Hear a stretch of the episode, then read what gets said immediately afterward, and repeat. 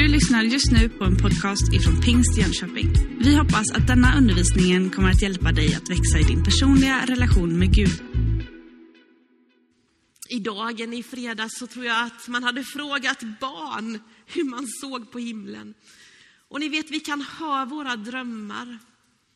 Och när mina äldsta grabbar var, de är 22 och 20 idag, men när de var 12 och 10 och jag frågade dem så här, hur tror ni det är i himlen?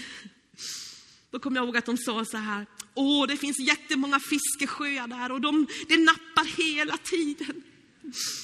Och det finns jättemånga fotbollsplaner och det är kompisar som vill spela hela tiden. Det finns jättemånga vattenrutschkanor och det är jätteroligt och man behöver inga läxor, man har inga läxor. Ett barns perspektiv på himlen. Som vuxna så kanske den högsta drömmen just nu är hälsa. Eller att det skulle bli som det var innan du miste den som står dig nära. Eller ett arbete, eller ett boende, eller vänner. Eller bara få vila för att du är så sliten just nu. Men du vet, himlen kommer att vara så mycket mer än vi kan föreställa oss. Men vad händer då när vi dör? Det här döden som vi på något sätt ibland tycker är så obehagligt.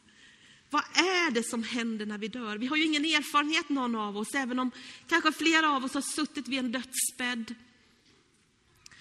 Så säger Bibeln så här, första Thessalonikerbrevet 4 och 13.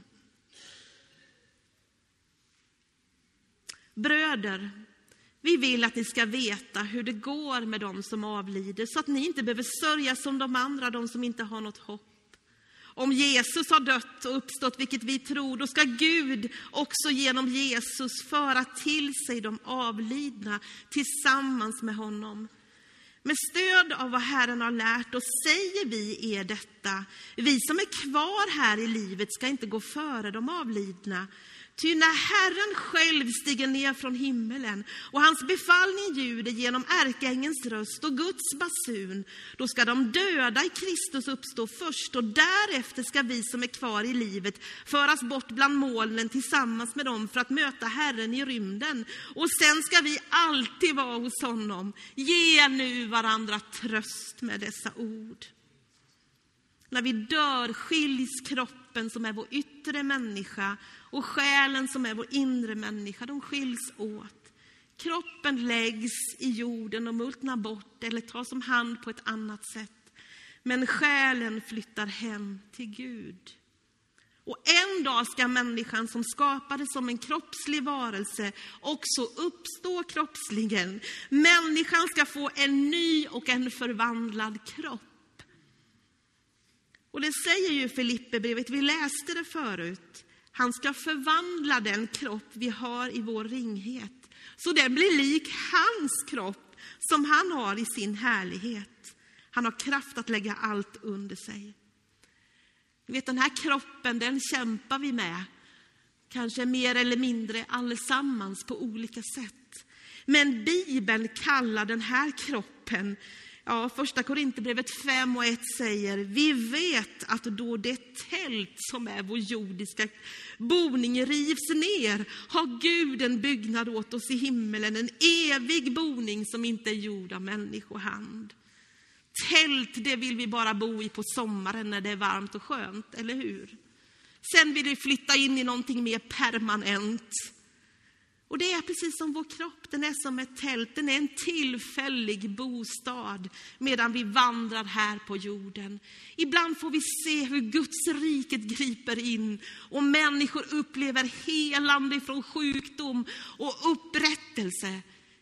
Men någon gång ändå så bryts kroppen ner. För vi lever inte i den här kroppen för evigt.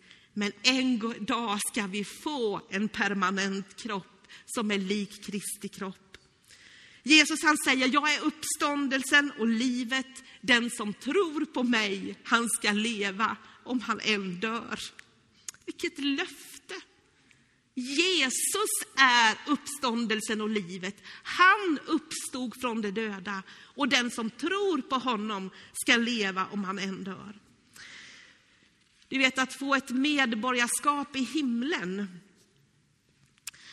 Alltså att få ett medborgarskap här på jorden. Jag följer ju många av våra nyanlända i deras processer. Åh, vad det är mycket intervjuer och avslag och överklagande och väntan och väntan och väntan och väntan. Men vet du, det himmelska medborgarskapet, det kan man få på ett ögonblick. Det tar ingen tid, utan det himmelska medborgarskapet, det får du och jag i samma stund som vi säger Jesus, kom in i mitt liv. Förlåt mig mina synder. Jag vill tro på dig. I det ögonblicket så säger han, att du får ett himmelskt medborgarskap. Den som har sonen, han har livet. Han är uppståndelsen och livet. Den som tror på honom ska leva om han än dör. Visst är det fantastiskt? Och därför är det himmelska medborgarskapet så viktigt. Och det är för var och en av oss. Du behöver inte ha uppfyllt några andra kriterier. Du behöver inte ha levt ett skötsamt liv. Jesus gav sitt liv och vi får ta emot detta av nåd. Att leva med evighetsperspektivet, det är väldigt viktigt. När du och jag inser att livet på jorden här är inte allt, då får vi liksom ett annat sätt att se på livet här och nu, vad som verkligen är viktigt. Och i evighetsperspektivet så ser vi att livet är kort. Bibeln använder begrepp som att livet är som en dimma, som en snabb löpare, som ett andetag, som en rök.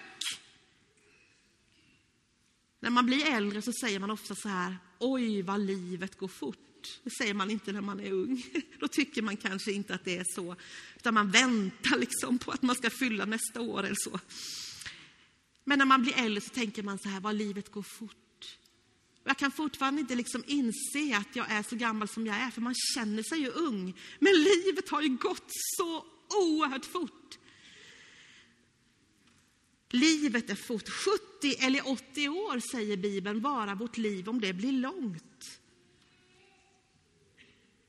Och därför så behöver vi be om vishet för att kunna ta vara på vårt liv på ett bra sätt och använda de åren vi har. Och därför är de här uppmaningarna som jag hänvisade till i början, som Hans Jansson lyfte förra söndagen. Bygg hus och bo i dem. Etablera en Gudsrikes koloni på jorden. Bygg församlingar, odla en Gudsrikes kultur. Gift er och få barn. Håll äktenskapet högt. Föröka er, bli fler, bli inte färre. Be för er stad. Han hade många uppmaningar just ifrån Jeremia 29. Det är viktigt att ta vara på livet, för det är kort. Och att göra det i perspektivet av evigheten. Och i det perspektivet så ser vi en sak till och det är att människor är så otroligt mycket viktigare än våra prestationer och våra rikedomar. Och ibland brukar vi säga så här att vem vill på sin dödsbädd det sista man gör ha koll på hur aktiekursen står? Eller ångrar att man inte gav mer tid i sitt, till sitt arbete? Är där i dödsögonblicket så vill man bara vara omgiven av sina närmaste. Det är bara människor som är viktigt, som man vill vara omgiven med. Och Jesus han säger att vi ska inte samla skatter här på jorden, för det kommer att förstöras. Det enda du och jag kommer att kunna få ta med oss till himlen, det är andra människor som vi har fått berätta om Jesus för, som också har fått upptäcka vem han är. Så det är viktigt. Människor är viktigare än allt annat. Men det kanske allra, eller det allra viktigaste som vi ser i evighetens perspektiv, det är att relationen till Jesus är det allra viktigaste. Därför att relationen till Jesus här och nu avgör var och hur vi tillbringar vår evighet.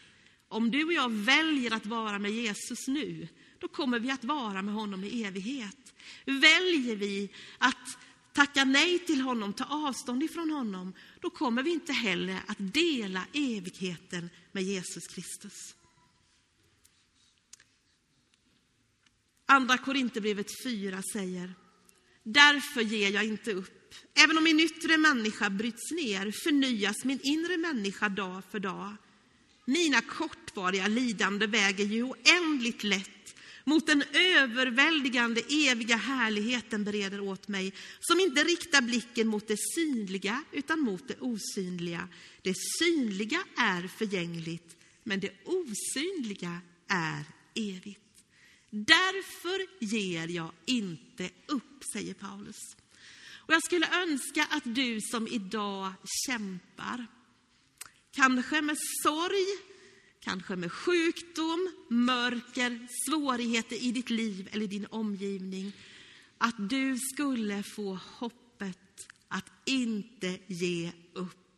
Vi har inte fått några garantier för att vårt liv skulle vara enkelt, men vi har fått löftet om att han själv ska vara med oss och att evigheten, det himmelska hoppet, väntar.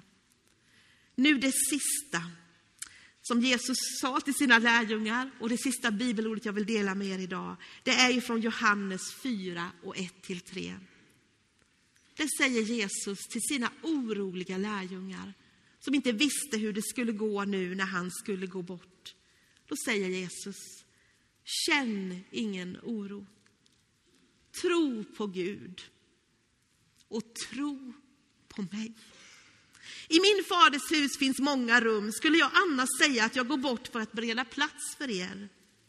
Och om jag nu går bort och bereder plats för er så ska jag komma tillbaka och hämta er till mig för att också ni ska vara där jag är. Vilken tröst det ligger i de här orden, eller hur? Känn ingen oro. Tro på Gud, tro på mig. Och det sista, för jag vill att ni ska vara där jag är. Det finns inte ett enda undantag. Ingen människa är något undantag. Jesus vill att vi alla ska vara där han är. Och därför så uppmanas vi att tro på honom, förtrösta på honom, ta emot honom. Hoppet om himlen, det står fast och det ger trygghet och tröst för livet här och nu och det ger en riktning inför framtiden. Du har just lyssnat på en podcast ifrån Pingst Jönköping.